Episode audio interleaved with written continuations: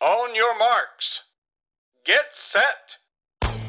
Välkommen till Maratonlabbet, en podcast om löpning med mig Johan Forsstedt och Erik Olofsson. I det här 133 avsnittet kommer vi prata om hur det gick i Stockholm Marathon.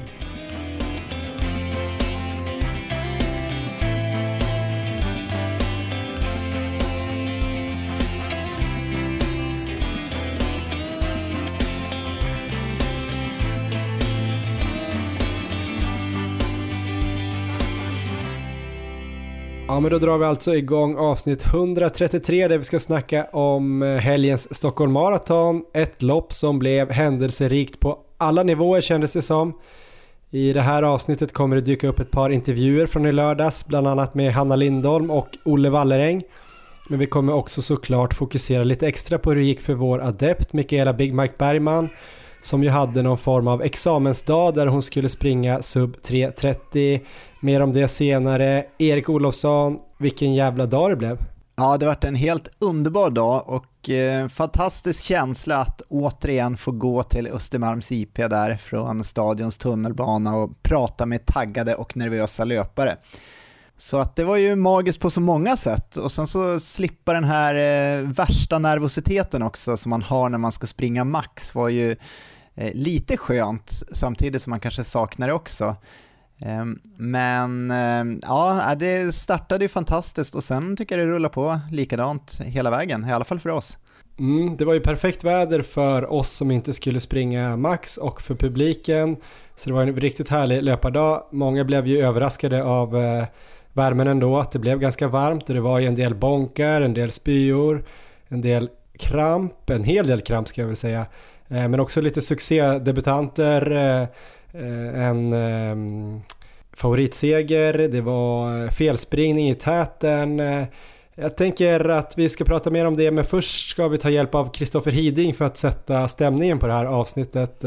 Maratonfarsan då, som han kallar sig för på Instagram, stod ju för ett episkt framförande av nationalsången inför loppet. Men även hans första ord efter målgång borde alla få höra. Eh, för det säger så himla mycket om maraton tycker jag och om alla hjältar som ändå sprang 42 195 meter på Stockholms gator i lördags. Eh, jag fångade upp Hiding bara sekunder efter att han gick i mål. Så här lät det då. Vilken bonk! Men det var så underbart att komma hit på stadion. Det är den vackraste platsen på jorden. Jag är så glad att de tog mig igenom detta. Under tre timmar igen. Jag är glad och stolt över att jag inte bröt. Jag sprang med, med kramp i båda vaderna från Folkungagatan och framåt. Hela vägen in i mål. Jag körde på. Jag vägrade bryta. Jag tänkte på min familj. Och jag sprang varenda meter för dem. Jag är stolt att jag tog mig i mål idag. Ah. Ah. Vilken resa! Det är underbart att vara tillbaka på stadion igen. I Stockholm. Staden i mitt hjärta. Det var starkt. Oerhört känslomässigt idag. Tack för stödet. Tack Johan. Tack Kristoffer, det var den finaste målgången ah. hittills idag. Tack, tack. Ja du Erik, eh, Kristoffer Hiding, vilken härlig människa va? Verkligen, han är bara helt underbar. Jag har inte så mycket att tillägga här, det är ju, den här intervjun säger ju allt. Och jag tycker ju det är så här man ska känna efter en sådan insats. Det är klart han hade goda möjligheter att springa mycket snabbare än så här, men det var ju inte hans dag.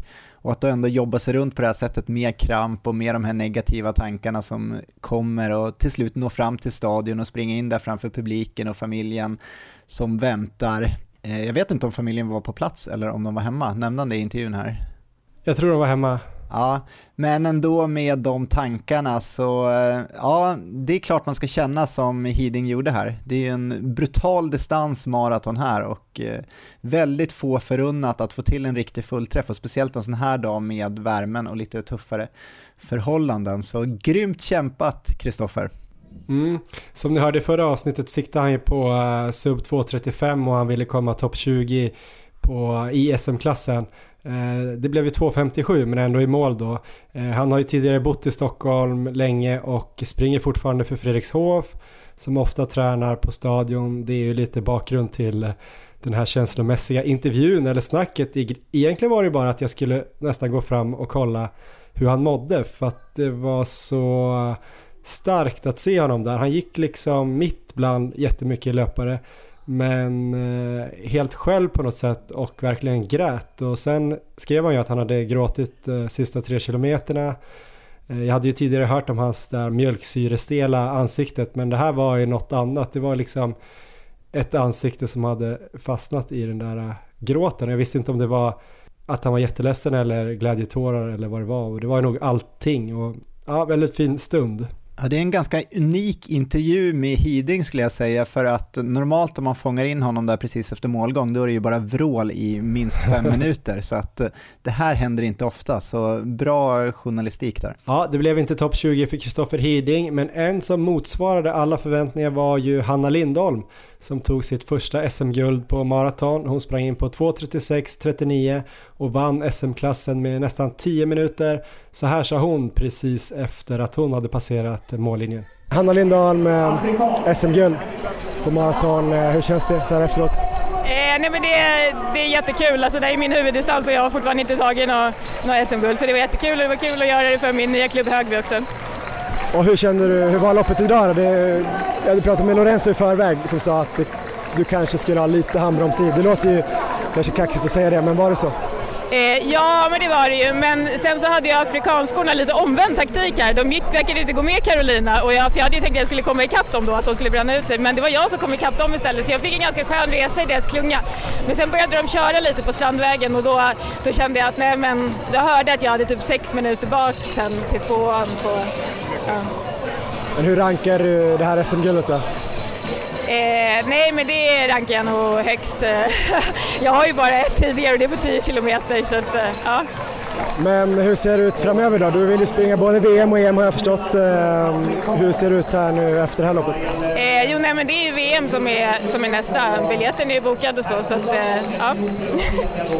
och hur, eh, när började du träna efter det här loppet? Då? Hur många procent var det här? Eh, nej, men den här veckan har jag pulserat träningen lite så att det blivit lika mycket volym men jag har ju ändå kört alla mina kvalitetspass förra veckan. Jag låg på 17 mil. Eh, så att meningen är att jag ska komma igång och träna om två dagar igen tror jag. Så att det... Och sen då, eh, vad är det kvar sen till VM? Vad kan det vara? 6-7 veckor eller? Ja, det är väl ja, drygt sex veckor är det. Och vad gör du då? Översiktligt såklart. Eh, vad menar du? Alltså... I träningen? Jaha, eh, nej jag vet inte, jag kommer bara köra på. Nu blir det ju lite mer värmeförberedande här, jag har redan börjat men eh, ja, det är väl det jag får fokusera på och sen eh, öva lite mer på vätskeintaget. Och hur tyckte du värmen var här idag? Det är inte som det kommer kanske vara i Eugene men... Nej, alltså idag var det ju liksom helt okej, okay. det var ju ingen fara. Eh, så, men det var ändå bra att öva lite på att dricka iskallt och sådär. Stort grattis! Mm, tack! Ja, det där var alltså maratondrottningen Hanna Lindholm. 2.36.39 eh, Erik. Eh, finalen på en 17 mila vecka som jag förstod det. Sjukt stabilt eh, träningspass. Ja, det känns lite så. Det är som att hon körde ett sånt här fyra mils pass i 95% av marafart som Canova brukar köra. Mm. Ehm, så att hon är brutalt stark. Hoppas att återhämtningen går väldigt snabbt. Jag tror det kan göra det. Hanna är ju väldigt, väldigt stabil och erfaren. Så um, ja, nu är det bara att ladda om för VM. Ja, jag tänkte på det efteråt. På tiden där 2.36.39, det kanske inte är jätteimponerande vid första anblicken, men med tanke på att hon inte hade trappat ner någonting. Hon körde lite med handbromsen i, avgjorde SM-klassen jättetidigt. Det var ganska varmt och eh, att Stockholm är en rätt tuff bana så var det ju minst motsvarande eh, SO230 känner jag, det där loppet. Alltså, kan jag tänka mig. Jag hoppas hon kommer med till VM och lyckas eh, akklimatisera sig till värmen som kommer vara där nere. Annars har hon ju chans i EM då, senare. Kan det vara så att Hanna är bättre än någonsin nu? Det kan vara så. Jag hoppas att hon får till en fullträff här i sommar. Sen blev det ju två överraskningar Erik som silver och bronsmedaljörer. Tvåa kom Erika Läck från Örebro AIK och trea Louise Ringström Spårvägen som vi ju hade med som en outsider i förhandssnacket. Eh, jag pratade med båda efter målgång men tyvärr havererade minneskortet i min mikrofon. Eh, så de filerna är eh, korrupta. Jag kan inte få upp dem och jag kan inte lyssna på dem. Men Erika Lekto var ju väldigt glad men även väldigt förvånad såg det ut som. Ja, det var ett stort jubel där i, i målgången. Hade du ens hört talas om Erika Läck innan det här, får man säga så? Ja, men jag har hört talas om henne, absolut. Men jag satte ju inte henne på mitt eget tips till exempel, så det var ju helt klart en överraskning, säkert både för oss och för henne själv. Men vilken otrolig känsla det måste vara att eh, just skrälla till sådär och sen plocka ett silver på SM och på Stockholm Marathon och springa in inför publiken där.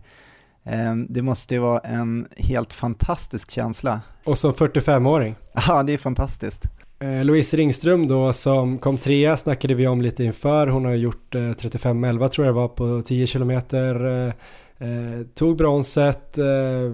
Var ganska kul målgång, eller kul och kul, det var en brutal målgång. Hon kom två-tre meter över mållinjen, sen satte hon sig ner på knä, stod där ett tag. hennes pojkvän Henka En på Instagram kom fram och grattade hon, henne och sen så började hon spy eh, ganska mycket. Det var väldigt mycket sportdryck som kom upp där.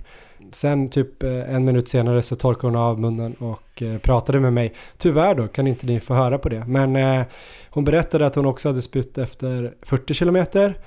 Och hon berättade att längsta träningspasset inför det här loppet var 33 kilometer. En riktig hårding. Ja men verkligen, vilken eh, otrolig prestation och att eh, just liksom få ut max på det där sättet när man eh, mår så dåligt på slutet. Jag tror Karo Wikström hade väl en likadan målgång här på Stockholm Marathon för något år sedan. Så att det, det är så det ska se ut. Otroligt kul och det var väl en liten skräll där på brons också. Även om Louise är ju, hon har ju helt klart snabbhet, men nu visar hon ju att hon har uthålligheten också, så att det ska bli kul att se henne på en snabb mara framöver. Om vi går över till herrklassen då. Längst fram i elitklassen så blev det ju ett litet missöde. Det var ju en eh, ganska orimlig eller otrolig felspringning där i yppersta eliten Erik. Eh, såg du den på tv eller kollat i efterhand eller? Ja, jag har kollat i efterhand. Jag var tvungen att se hur det gick till och det var ju, de leddes ju fel. Ja, nej, väldigt, väldigt olyckligt. Ehm, sen så, det var ju på något sätt tur att ettan och tvåan där ändå kom tillbaka och eh, vann loppet. Så att det i alla fall inte påverkade det och det var ju också bra att de då eh, fick den här bonusen för banrekordet för det skulle de ju helt klart ha tagit utan felspringningen. Men eh, här har vi väl kanske en kandidat till årets mylfalk. Just det, den funktionären som visar dem fel. Taskigt att hänga ut honom i och för sig. Ja, han lär väl vara ganska ångerfull kan jag tänka mig. Ja, det ska ju inte få hända såklart. Eh, det påverkar dock inte SM-klassen där vi trodde mycket på Samuel Tsegay. Eh, han bröt redan mellan 15 och 20 kilometer. Jag vet inte vad som hände faktiskt. Eh, kanske han också sprang fel, vem vet. Istället vann ju Samuel Russum rätt överlägset före maratondebutanten Olle Walleräng och trean Archie Castile. Vi ska få höra de två sistnämnda här, spårvägenlöparna här kommer Olle Walleräng och sen Archie Castile. Ja, Olle Walleräng, eh, i din debutmara så kommer du sjua i Stockholm Marathon och tar silver i SM. Hur känns det? Eh, nej, men jag, just nu är jag ganska lättad att det är över faktiskt. Det var, det var en pers mentalt alltså. Eh, rätt tidigt. Jag hade rätt dåliga ben alltså. Jag kände redan vid tio att fan, det här, det här kommer bli jobbigt. Så att jag försökte bara springa avslappnat hela loppet. Men hur eh, vände du det då mentalt? Eh, jag fick kramp i magen ungefär vid 15. Så mellan 15 och 20, men sen när det släppte så... Nej, men jag, fick, jag försökte bara tänka på alla, allting jag lärt mig under 20 års tid. Bara slappna av, ta det i mål, bryt inte, håll dig lugn. Det var de, de tankarna liksom. Så, att, så att det är otroligt skönt att jag kunde ta mig i mål. Och så. Jag träffade Olof Södergård igår som du känner väldigt väl. Han sa det kommer gå bra för Olle, det sitter bara i huvudet. Men du lyckades vinna den kampen då? Ja, det får man ju säga. Jag har gjort en och annan DNF i mina dagar på korta lopp så att... Så att eh, nej, men tid är inte allt. Vet. Jag hade kanske hoppats på att springa runt 2.15, 2.16 men ibland handlar det om att ta placeringar och placera sig bra. Eh, och det gjorde jag då. 1.08.30 tror jag det var halvvägs, 2.20 i mål. Vad säger du om den splittarna? Ja, tiden är ingenting att höra över. Jag har ju kört nästan snabbare på mina långpass. Men som sagt, jag kände att jag kände att jag nog övergjort min träning lite inför det här. Jag har kört lite för, för tufft, för långt. Så att jag fick, jag fick springa med dåliga ben idag men jag, jag, jag lärde mig mycket så att jag tar med det till nästa gång. Det blir fler gånger i alla fall. Ja, men det tror jag. det tror jag. Stort grattis! Tack! Archie, grattis till SM-brons! Tack, tack! Ja, det var tufft. Bland det tuffaste jag gjort på år tror jag. Ingen under överdrift alltså. Du har liksom saltavlagring i hela ansiktet, du är helt vit nästan. Hur, hur mår du? Ja, alltså förvånansvärt bra faktiskt ändå. Men det är klart, det blir att dricka mycket det första jag gör nu. Den här värmen är inte att leka med. Bra Danne. Vad säger du om Daniel Lundgrens eh, debut här då? Extremt bra, han är en stark löpare. Eh, det, varför jag var först idag handlar bara om erfarenhet. Uppriktigt sagt. Hur var det att springa i den här uh, liksom halvvarma värmen, eller vad ska säga? Tufft, eh, men jag tror att det är det som räddar mig också. Hade det varit som eh, det brukar vara som värst här hade inte jag fixat det här. Det är också ärligt sagt. Hur nöjd är du med ditt lopp då? Alltså det är klart godkänt i alla fall, dagens insats. Eh, så det blir spännande. Förhoppningsvis har jag ett antal år kvar på maraton. Så det är väl i bästa fall bara början. Stort tack, grattis! Tack! Ja, vad tänker du om eh, herrarnas SM-klass Erik? Också en del eh, halvskrällar? Ja, med tanke på att Segai bröt så var väl Russom den eh, klara favoriten där så att det var ju väntat att han vann, men det verkar ha varit tufft där bakom. De har fått slita och eh, ja, de gör det riktigt bra här, både Olle och Archie som ändå plockar medaljerna där. Fantastiska debutanter här, både Olle och Danne Lundgren, även om de såklart kan springa bättre tider på en, en bättre dag, kanske på en lite snabbare bana också, men eh, de visar ju helt klart att eh, maraton behärskar de ändå, så det ska bli kul att se dem mer framöver. Och Archie är alltid härlig att lyssna på i intervjuerna, så snyggt med ännu en medalj. Ja, verkligen. Eh, Daniel Lundgren ju som eh, tävlar för Tureberg, va? kom fyra strax före Ebba Tulucala som vi också trodde på eh, som bronsmedaljör. Men han hade väl ingen superdag. Det ska bli intressant för Lorenzo Nesi att ta ut eh, lite landslagslöpare här till ja, VM och kanske framförallt EM. Det är många som kanske kan slåss om de där platserna ändå, Erik. Ja, hur många får de ta ut? Har du koll på det? Nej, du ska alltid sätta dit mig, men de har väl säkert något lag så att eh, man kanske får A4 i alla fall till EM. Jag vet inte. Ja, det blir kul. Ja, men innan vi ska prata lite mer med och om eh, Mikaela Big Mike Bergman, vår adept som skulle springa 3.30 så tänkte vi prata lite om våra samarbetspartners. Vi har ju Löplabbet då som samarbetspartner, vilket vi är väldigt stolta och glada över.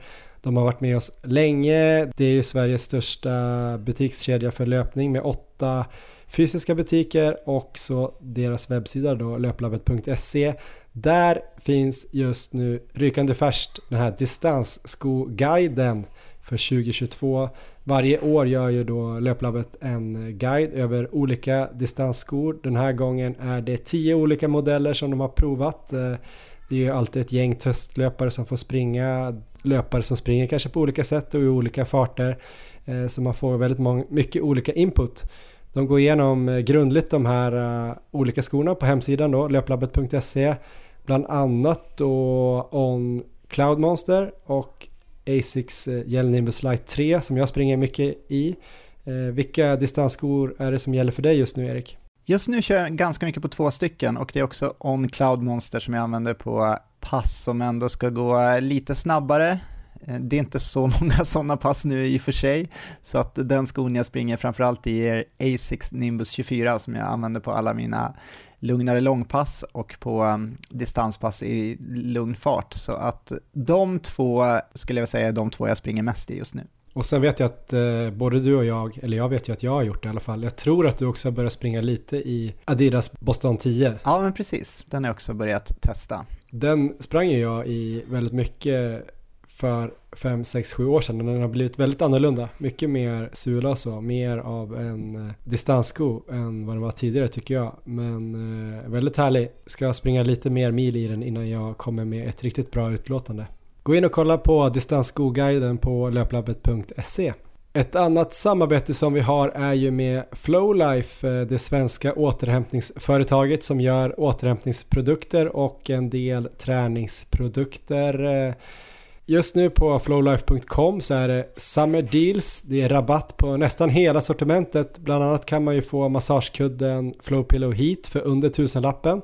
Och det är väl eh, en väl värd investering Erik? 100% det tycker jag alla ska investera i. Det går till och med att köpa två Flowpillow hitar så får man dem ännu billigare om man kanske vill ge bort den till någon man gillar väldigt mycket men är rädd att man kommer bli lite avundsjuk själv. Eh, så gå in och kolla där på flowlife.com. Eh, det blir ännu billigare om man använder koden Maratonlabbet. Den koden ger 10% ytterligare rabatt på redan nedsatta priser och 20% på fullpriser. Eh, så gå in och kolla på flowlife.com. Ja men nu Erik ska vi prata lite om vår adept Mikaela Big Mike Bergman som vi har tränat sedan i februari. Hon sprang Stockholm Marathon i lördags. Förutsättningarna hörde ni om i förra avsnittet men eh, Mikaela som ju i vår har gjort 45.03 på 10 km och låga 1.38 på halvmaraton skulle nu under 3.30 på maran något som skulle visa sig bli svårt den här dagen. Vi ska lyssna mer hur det lät efter loppet. Men innan dess Erik, eh, vad tänkte du på eh, förhand där eh, när vi träffade henne innan och på start? Trodde du att det fanns sub 330 chans den här dagen? Ja, men det var jag övertygad om att det fanns en bra chans, men sen så var ju förutsättningarna ändå ganska tuffa med värmen och sådär, så att jag var ju lite nervös över det på förhand. Inget som jag såklart nämnde där i försnacket eller så, men jag tänkte att det här kan ändå bli en faktor, så jag var glad att vi hade eh, fått henne att inte köra sina jättevarma vintertights. Men, men sen så, eh, ja hon verkade ändå, hon verkade nervös men ändå laddad, så det kändes ändå som att det var en ganska bra nivå tycker jag, av om man tänker laddning mot nervositet inför loppet. Så jag eh, var väldigt positiv när vi gick in i startfållan där. Ja, jag trodde också väldigt mycket på det. Det kändes som att hon hade vänt en eh, lite halvtuff period till att ändå komma dit i bra form och med ett glatt humör och fokuserad på uppgiften. Men det ville sig inte riktigt, eh, så här lät det efteråt när vi pratade med henne utanför Östermalms IP. Ja, då sitter vi här utanför Östermalms IP. Bredvid oss går det förbi ganska många trötta och och eh, slagna hjältar. Vi har också med oss en eh, trött och lite halvslagen hjälte, Mikaela Big Mike Bergman, eh, ditt första Stockholm Marathon. Hur känner du så här direkt efteråt? Um, frustrerad och arg och missnöjd. uh, men jag kände ändå att jag, jag kämpade faktiskt igenom. Det gjorde jag, så det är jag glad över. Ja, du tog dig i mål. Du är en maratonlöpare i Stockholm. Eh, tiden eh, preliminärt här 3.47.09. Lite över 3.30 men det har ju sina förklaringar. Eh, ska vi gå igenom loppet eh, från starten? Jag var ju med första 23 och det var ju ganska snabbt som man märkte att det ändå var ganska varmt. Hur upplevde du det idag? Ja, det var väldigt varmt men första halvan kändes väl i alla fall bättre än andra halvan. Eh, men ja, det var varmt och jag började väl känna att det var tufft vid typ 18.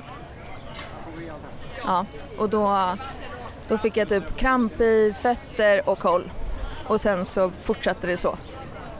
Ja, det var ute på Djurgården där som eh, Erik sprang och snackade med dig och sen sprang fram till mig och sa att, att det verkar som att det är håll här på Mikaela. Då hade vi sprungit eh, Första 15 på en 13.35 så vi låg ju ganska exakt på 4.55 snitt fram till 15. Halvvägs hade vi också en 44.03 så ungefär den där minuten vi hade snackat om innan.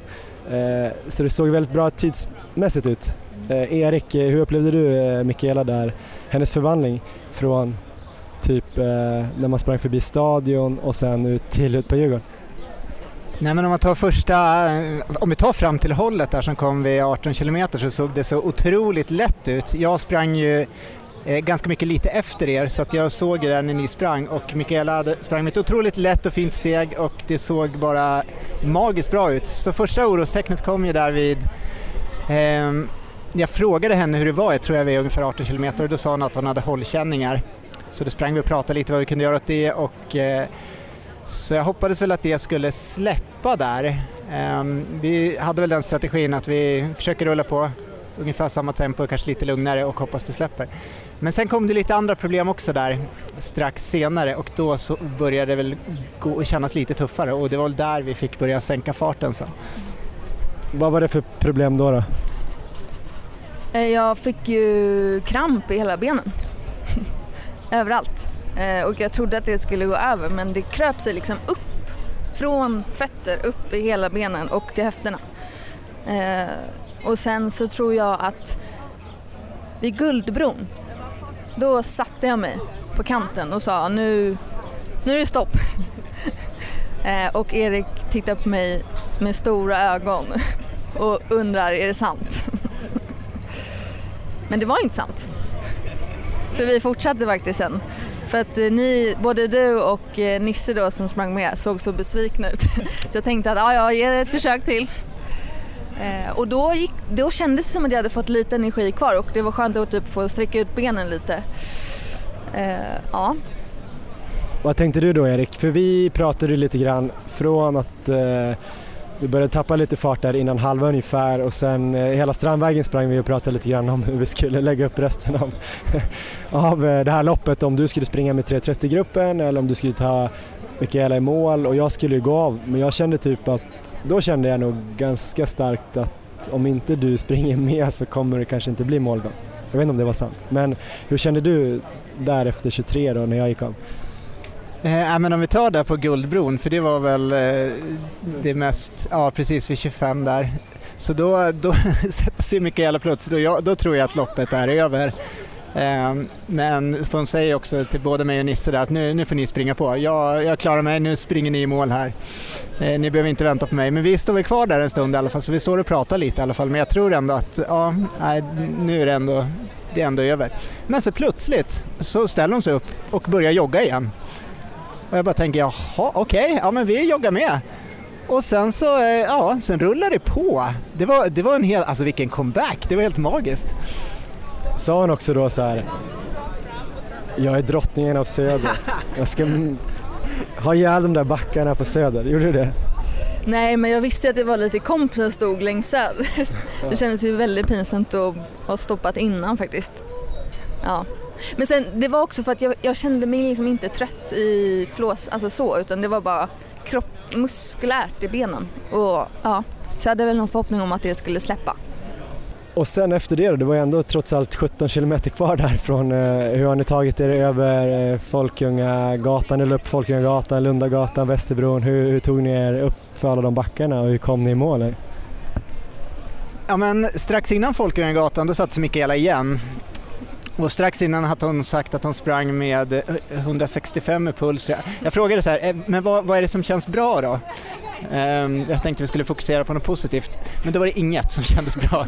Så att det var hög puls och det var kramp i hela benen och sen så satte hon sig ner då. Så då började jag också fundera att ja, men det kanske ändå inte går. Men eh, ja, efter en 20-30 sekunder så var hon uppe och joggade igång igen så då gav vi oss upp, upp för backarna. Och där tycker jag det rullar på väldigt bra sen. Det var ju som Mikaela nämnde hade hon eh, kompisar och familj som stöttade så att eh, vi fick lite energi där, många som hejade. Ehm, så att vi kom liksom in, det var ju en lugnare fart nu än vad vi hade sprungit på i början. Ehm, men vi rullade på och jag måste ju också ge cred till Nisse som jag tycker gjorde en fantastisk insats här och har ehm, hämtat sportdryck, dricka, peppat och verkligen, han har, det märks ju att han eh, självklart känner Mikaela väldigt bra så att han vet ju liksom vad han ska säga och eh, sådär så att eh, eh jag tycker vi var ett bra team där som rullade på längs Söder så att eh, det, det vart liksom bättre och bättre. Så att, men sen var jag orolig för att jag frågade när vi var där på Söder vart de bodde. Och då bodde de eh, ganska nära Västerbron. Så där var jag orolig när vi närmade oss. Nu tänkte jag, bara hon inte viker av hem nu, att hon liksom har siktat in sig på att ta sig hem. Så när hon eh, i alla fall fortsatte upp för Västerbro där i, i, i bra stil, då tänkte jag att det här kommer gå vägen. Eh, Nisse är då eh, Mikaelas sambo och pojkvän, Ja. om någon undrar det. eh, ja men eh, Västerbron då, alla snackar om Västerbron. Var den eh, okej att ta sig upp för? Ja. Alltså jag kände inte så stor skillnad på Västerbron. Det kändes ganska lika illa som innan. Eh, men jag tror att det, det jobbigaste för mig var att jag hade verkligen ställt in mig på den här tiden. Och jag trodde verkligen att jag skulle klara tiden. Och sen när jag vet att nu kommer jag inte göra det. Då tänker jag, är det värt att fortsätta? Och vara arg hela vägen från nu till mål? Men då inser jag ju att man vill ju komma till stadion och man vill ju känna den här känslan att vara klar. Lite så här gråten i halsen och arg och så. Men det var värt det. Och det är ju det som är problemet med att hålla på och fokusera så mycket på tider som vi kanske gör, eller ibland folk tycker att vi gör. Att det blir svårt ibland att njuta av loppet. Men jag hoppas att du njöt någonting av loppet någon gång, gjorde du det? Ja, alltså första halvan var ju, alltså då kändes det väldigt, eller okej, för, inte första halvan, först fram till 17. Då kändes det väldigt kul och bra och jag var väldigt peppad. Men sen var det verkligen tufft, alltså det kändes typ som att jag gick in i väggen vid 20. Så ja, Men kände du fram till 17 att eh, det här är min dag, jag kommer fixa 3.30? jag kände mig pigg och bra i kroppen. Vad tror du att det beror på då, att du inte riktigt hade hela distansen i dig idag? Ehm, jag ska analysera det. Jag har inte kommit dit. Ehm, jag vet faktiskt inte. Det känns ju som att, vad, vad, vad hade jag kunnat göra för att det inte skulle bli så? Alltså antagligen är det en coachmiss. Coachförlust, eller vad säger du Erik? Nej men jag, alltså, jag är så galet imponerad över den här kämpainsatsen. Alltså att gå in i väggen där, sätta sig ner efter 25 kilometer på Guldbron och sen jogga igång och kör, avsluta hela loppet och liksom springa hela vägen sen. Eh, helt otrolig kämpainsats. Det är inte många som hade gjort det med den känslan så tidigt. Så att jag, till att börja med, jag tycker det är ett strålande lopp och liksom andra maran. Och sen så, eh, jag tror ju absolut Mikaela har kapaciteten att springa under 3.30 på en bra dag. Så att det var väl, det kan ju vara olika faktorer. Det kan vara värmen, det kan vara eh, lite nervositet och kanske press att eh, springa med, med podd och allt. Och sen, eh, ja, formtoppning kanske inte ändå fungerade helt perfekt. Men så det, det är många saker som kan ha spelat in. Eh, och, men just den här krampbiten, det kan ju du mycket om Johan, så du kan ju berätta vad vi kan göra åt det. Ja, vi har väl något avsnitt eh, som bara handlar om kramp och sen har vi väl eh, typ 110 avsnitt eh, där vi pratar om kramp på något sätt eftersom jag har haft kramp. Jag har ju fortfarande inte sprungit en mara utan kramp så att eh, jag antar att jag har haft något bad influence på dig men eh, Kan ju säga att jag just nu har kramp i hela rygg och mage också. är det vanligt? jag hade en kompis en gång när vi spelade fotboll i division 3 som krampade i, liksom i, i öronen och hela, alltså hela kroppen bara låg. Det kändes ju som att det var en superbonk. Men eh, Erik sa där att du har 3.30 i dig framöver. Eh, det tror jag också. En bra dag, en bra temperatur, plattare bana helt klart. Eh, men kommer du springa några mer maror framöver? Ja. Alltså jag måste ju, jag har ju sprungit en mara som var bättre, som var bättre än det här. Eh, och, så ja, det är klart, jag kommer det. Eh, men kommer du fortsätta springa då eller har vi förstört glädjen? Ja, men det kommer jag. Jag har ju faktiskt ett lopp eh, som bokat, säger man inte, anmält mig till ett lopp i september. Ha, en halvmara. Var det samma som i fjol, Stockholm halvmaraton? Så den ska, jag- tänker jag att jag ska springa. Nu ska jag ju fortsätta springa, tänker jag. Kanske svårt att svara på så här direkt efter loppet när du sitter här och fryser lite. eh, Men eh, hur har eh, den här våren varit då? Tycker du att, eller hur har den varit? Jag har älskat den här våren faktiskt. Och det kommer kännas väldigt tomt och tråkigt och helt plötsligt kommer jag så mycket tid. När jag inte har liksom ett schema. Nej men jag tycker att det känns väldigt kul. Först så var jag tänkt så här, kommer jag kunna hålla alla, alltså varje vecka och köra efter det här schemat? Men det har ju gått. Och det blir roligare och roligare. Alltså det är roligare när man märker en liten, liten förbättring. Så ja, det har känts väldigt kul.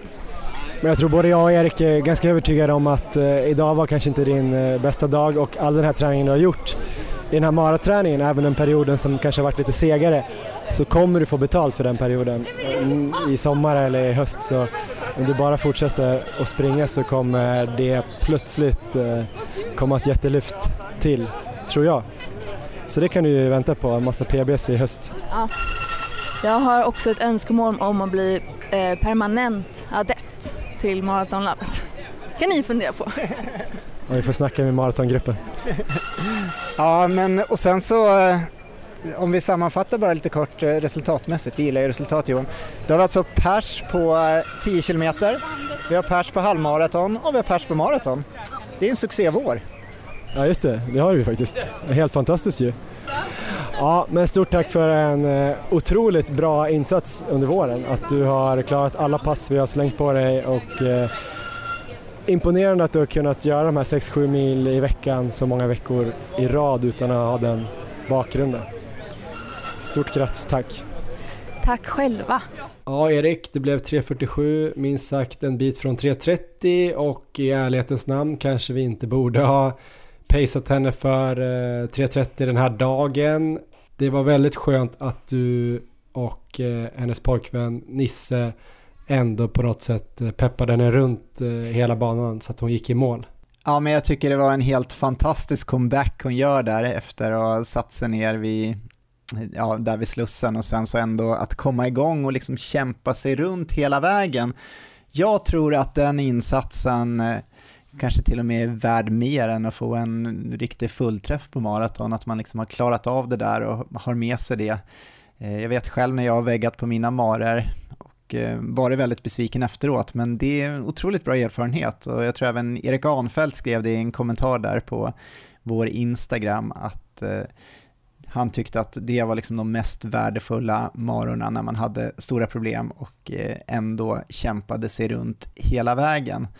Så att jag tror det här är en fantastiskt bra erfarenhet för Mikaela och jag tycker det är helt otroligt roligt att hon är så taggad på att fortsätta springa. hon har ju faktiskt också nu anmält sig till Valencia Marathon senare i år.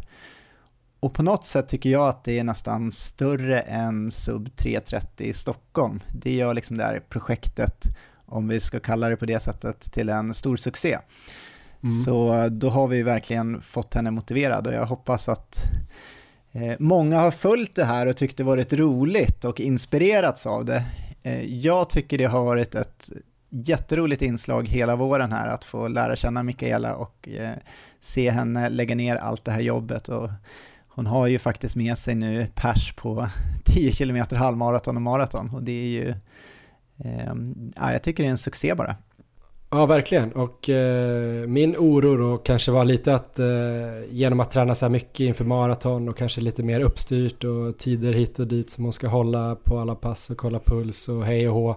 Att det skulle döda lite löpglädjen men det har snarare blivit tvärtom för Mikaela. Hon eh, har ju uttryckt till oss att det kommer bli en stor tomhet här nu när vi inte då ska träna henne och att hon inte ska vara med i podden. Eh, så det känns ju superkul. Det var ju du inne på också att hon eh, kommer nog fortsätta att springa här i sommar. Vi får väl ändå mässa lite tips här och där så att hon håller igång och eh, ja, vi vill ju bara tacka henne så himla mycket för att hon har kört all träning som vi har, har gett henne för att hon har hållit ihop och så inte blivit skadad för det hade varit väldigt tråkigt och sen då att hon har velat vara med i podden och ändå ja, men prata om eh, både med och motgångar. Och det blir ju kanske en del press också att vara med i en podd så här att många börjar följa henne på Strava och Instagram och sådär och börjar kanske, kanske inte förvänta sig men genom att folk vill att hon ska klara det så blir det ändå att man sätter den, man får lite yttre press ändå. Ja men det tror jag, det kan nog också ha spelat in den här dagen att kanske pulsen blir lite högre inför start och i början av loppet och sådär. Så att det är ju det kan självklart bli en faktor. Det, det, har väl vi kanske känt av, men jag tror både du och jag eh, på något sätt gillar, gillar den lilla extra pressen. Eh, men jag tror det är en jättebra erfarenhet för Mikaela att ha haft med sig nu. Mm. Att, att, springa på det här sättet så kanske det blir lite, lite mindre som press inför nästa, nästa lopp och då bara press från sig själv. Den är säkert också eh, ganska stor. Men eh, med den här insatsen i ryggen och hela den här våren, alltså den här träningsperioden hon har gjort är ju fantastiskt bra. Det är inte många pass hon har missat, eh, så det kommer hon ha stor nytta av nu framåt eh, Stockholm halvmaraton och sen Valencia maraton senare i år. Så det är ju bara att bygga vidare på det här så kommer det bli jätteroligt. Och det kommer ju inte bli jobbigare att träna, det kommer ju bli lättare att träna Eh, fast det kommer gå snabbare. Det är i alla fall min upplevelse hur det har blivit när jag kommer liksom igenom en sån här väldigt bra träningsperiod och kör på. Hon kommer nog, eh, jag tror kanske inte vi lyckades formtoppa henne till den här dagen, så det får vi ta på oss. Men jag tror den här formtoppen kommer komma snart och då kommer det smälla till ordentligt. Och vi vill ju också tacka alla då som har eh, peppat Mikaela både på hennes Strava och på Instagram. Hon fick ju väldigt mycket kärlek här på Instagram efter, efter loppet. Så det ska ni ha stort tack och eh, ni kan ju höra av er om ni tyckte det här var ett kul eh, segment och om vi ska försöka göra något liknande framöver också. Ja men precis, det vore väldigt roligt att få feedback på vad ni tycker om det här och om det, om det är ett bra inslag och om det går att göra kanske annorlunda på något sätt. Så det, den feedbacken tar vi gärna emot. Erik, eh, vi lämnar Big Mike nu och eh, jag vill bara säga att den här dagen, den hade ju faktiskt allt verkligen. Det var så otroligt kul att dels springa eh, och eh, vara med och pacea, inte bara Big Mike, det var ju fler i våran 330-grupp. Eh, få eh, lite stöd från all publik, träffa min familj där vid Strandvägen. Du undrade om jag såg en kamera någonstans när jag sprang iväg. ja, just det. min familj. Och sen eh, när jag fick komma upp där och stå bara där nere vid målgång och bara se alla löpare, även de jag inte pratade med, så var det väldigt häftigt att bara vara där och se de här känslorna som ändå ett maraton väcker. Eh, det gör ju ändå att man förstår varför man springer maraton även om man ibland när det kanske är sju kilometer kvar av ett maraton inte förstår varför man ja, ska springa ett maraton om du förstår. Det enda som den här dagen saknade egentligen var väl kanske att eh, du och jag inte sprang allt vad vi kunde. Blev du sugen någon gång att, eh, att springa det här loppet eh, all in? Eller kanske inte just det här loppet men kanske nästa år, 2023?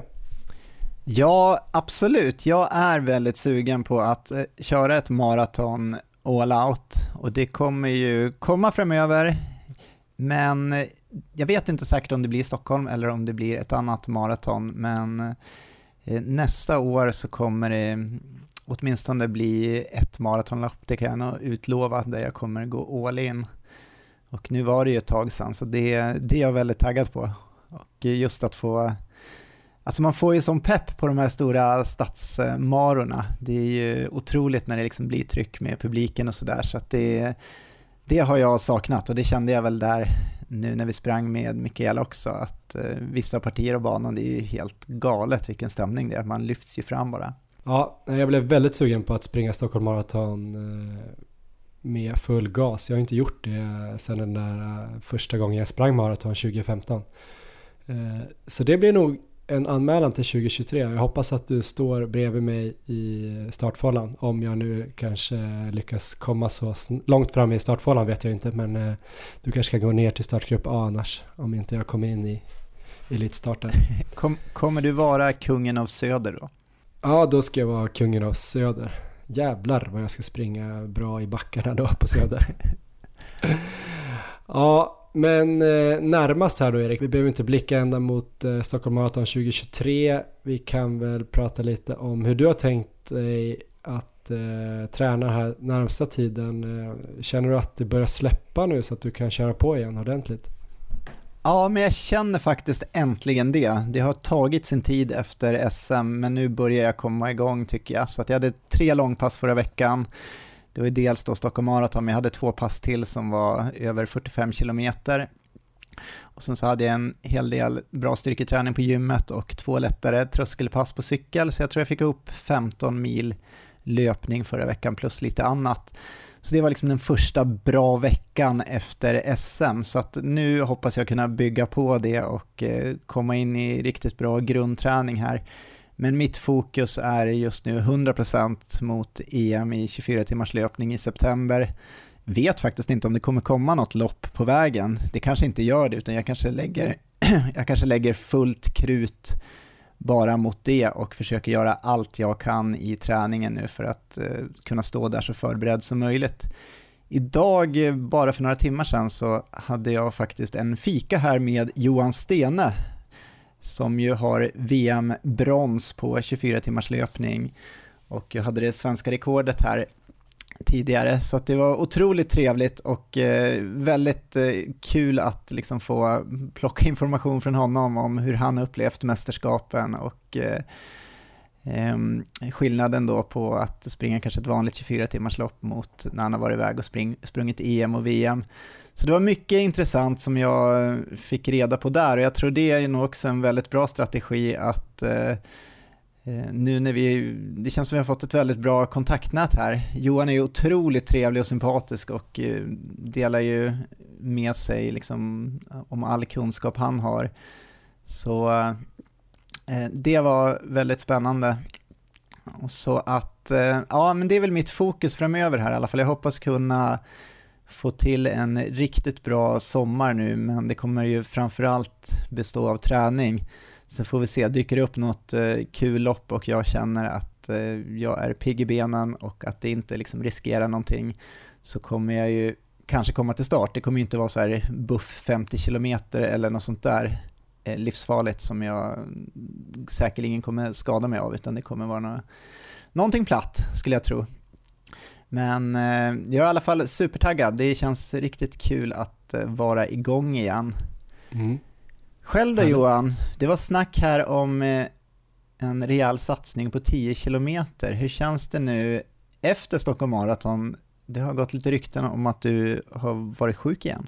Ja, och det är väl lite därför det här avsnittet kanske kommer lite senare än vanligt. Jag har ju haft en väldigt konstig period, väldigt ovan den här typen av perioder. Men efter Göteborgsvarvet blev jag sjuk. Eh, jag var ju sjuk i alla fall tre dagar innan jag började springa lite lätt igen. Det kändes ju inte så himla bra men jag tyckte inte att jag var sjuk. Sen förra veckan då så började jag springa, jag körde mitt första kvalitetspass.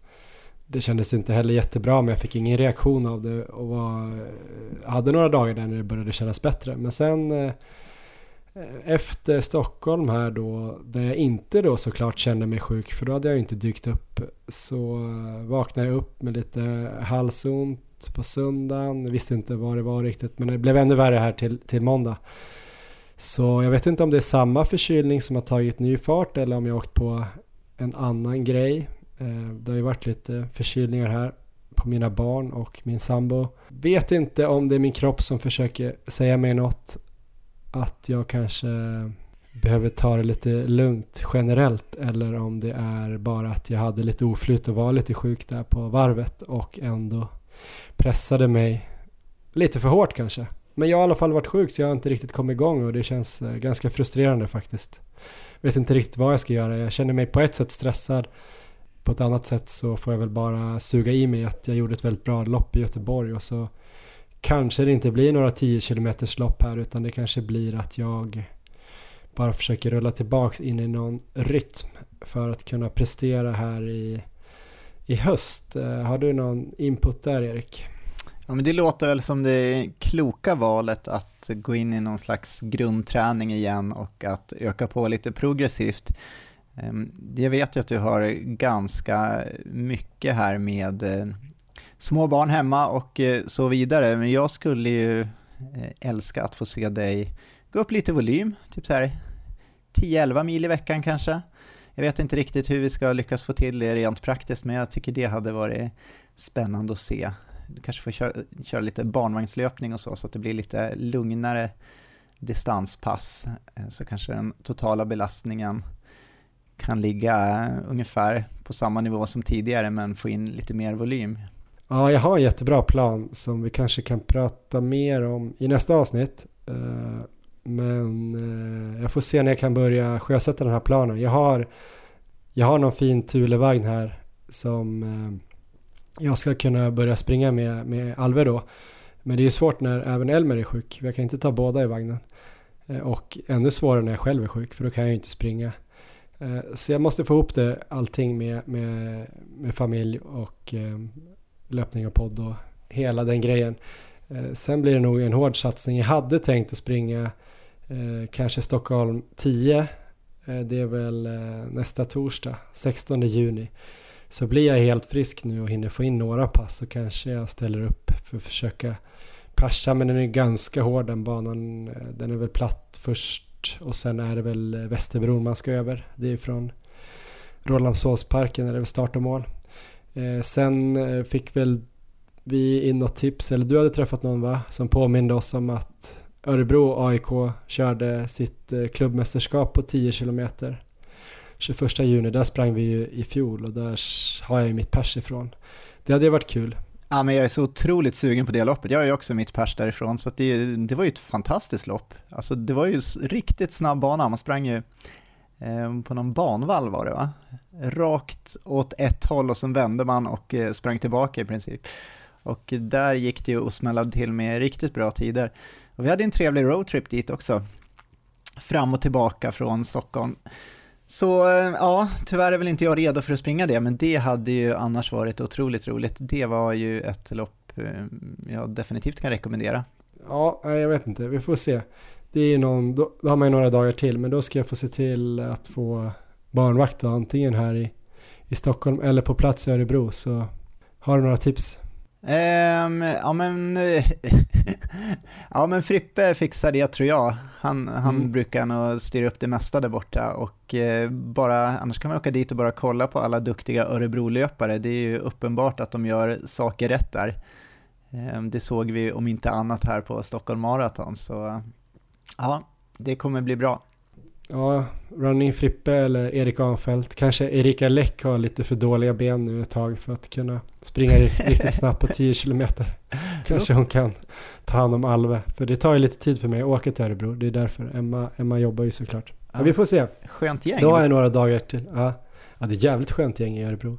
Ja, eh, men eh, vi får se vad vi, vi ska göra. Man kan ju springa sub 34 i höst också. Det är väl ingen brådska egentligen. Så vi får se vad som händer. Men jag måste först bara bli frisk och ta några lugna dagar innan jag kan börja eh, våga, våga mig på att springa, springa hårt. Men benen börjar kännas bra nu och alla så här små känningar eller du vet, stelheter eh, känns ju som att de försvinner. Det är bra. Men Erik, vi ska börja avrunda det här avsnittet, avsnitt 133 alltså. Eh, ni kan ju gå in och kolla på Instagram, där heter vi Maratonlabbet. På Strava heter vi Erik Olofsson och Johan Forstedt. Eh, man kan ju fortsätta kolla hur Mikaela Bergman tränar och tränar hon inte lika mycket som hon har gjort nu så får ni väl gå in och påminna henne om att hon har anmält sig till Valencia i december. Um, annars, vi får se lite grann när nästa avsnitt uh, kommer Erik. Vi har uh, snackat lite om att eventuellt byta, byta utgivningsdag igen. Och eh, väldigt mycket då på grund av att jag är, är pappaledig och eh, har lite mindre tid att eh, få ihop avsnitten och då kan det vara skönt att ha någon extra dag och klippa kanske. Ehm, vi får se vad som händer, om det blir kanske torsdag nästa gång eller om det blir tisdag ni får hålla utkik på Instagram helt enkelt eh, eller bara kolla er poddspelare. Eh, jag tycker att eh, vi ska kanske avsluta med Hiding, tycker inte du Erik? Så man får lite mer gåshud i det här avsnittet. Ja, men den intervjun är helt klart värd att höra en gång till. Ja, men vi avslutar med den så får ni lite pepp. Ni förstår vikten av att komma i mål på maraton. Tack för idag. Ha det bra Erik. Så ha har vi lite på Iding. Vilken monk! Men det var så underbart att komma hit på stadion. Det är den vackraste platsen på jorden. Jag är så glad att de tog mig igenom detta. Under tre timmar igen. Jag är glad och stolt över att jag inte bröt. Jag sprang med, med kramp i båda vaderna från Folkungagatan och framåt. Hela vägen in i mål. Jag körde på.